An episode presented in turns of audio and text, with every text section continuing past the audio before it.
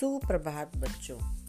आज की संस्कृत कक्षा में आप सभी का हार्दिक अभिनंदन। आज हम चतुर्दश पाठ, चौदवा पाठ, लक्ष्य निर्धारण से महत्व लक्ष्य निर्धारण का महत्व इस पाठ का अध्ययन करेंगे। प्यारे बच्चों, इस पाठ के अंतर्गत मनुष्य के लिए लक्ष्य निर्धारित करना क्यों अवश्य है? हमारे जीवन में लक्ष्य निर्धारण का क्या महत्व है? इस विषय में बताया गया है और व्याकरण की दृष्टि से इस पाठ में स्वर संधि का वर्णन भी किया गया है।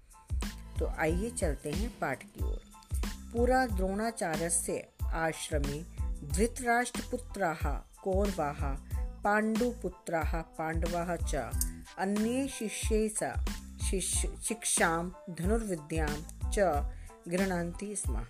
पहले गुरु द्रोणाचार्य के आश्रम में धृतराष्ट्रपुत्र कौरव और पांडु पुत्र पांडव, अन्य शिष्यों के साथ धनुर्विद्या की शिक्षा ग्रहण कर रहे थे। एकदा गुरु द्रोणाचार्य स्वशिष्यान परीक्षितुम तान आहूय अवदत। एक बार गुरु द्रोणाचार्य अपने शिष्यों की परीक्षा लेने के लिए उनको बुलाकर बोले, भो शिष्या, अरे शिष्यों, आज लक्ष्य भेदन परीक्षा अस्ति। लक्ष्य भेदने की परीक्षा है।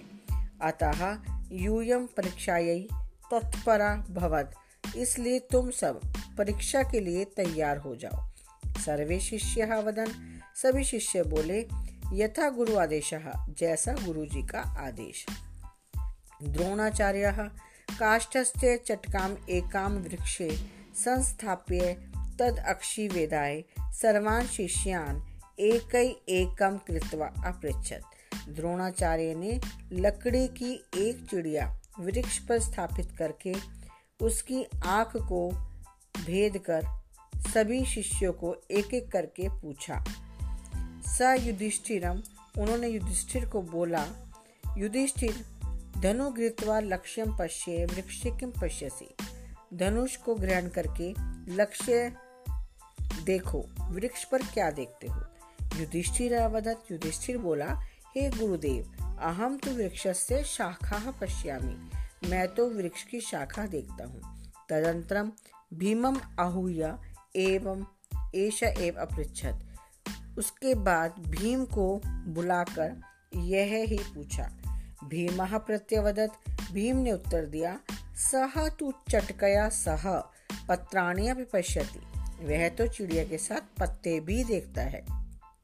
एवं अर्जुन मंत्राते सर्वे वृक्षम शाखा पत्राणि चटकाम ए पश्यंती इति इस प्रकार अर्जुन को छोड़कर उन सभी ने वृक्ष को, शाखाओं को और पत्तों को चटकाम ए पश्यंती चिड़िया को भी देखते हैं, इस प्रकार बोले।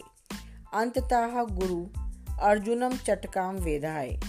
अंततः गुरु ने अर्जुन को चिड़िया भेदने के लिए आदेश दिया और पूछा वृक्षे चटकाया परम तुम किम पश्यसी? वृक्ष पर चिड़िया के अलावा तुम क्या देखते हो? अर्जुनो वाच, गुरुवर चटकाया अक्षी अंतरेन हे गुरुजी, चिड़िया की आँख के अलावा किम अपी न पश्यामी, कुछ भी नहीं देखता हूँ।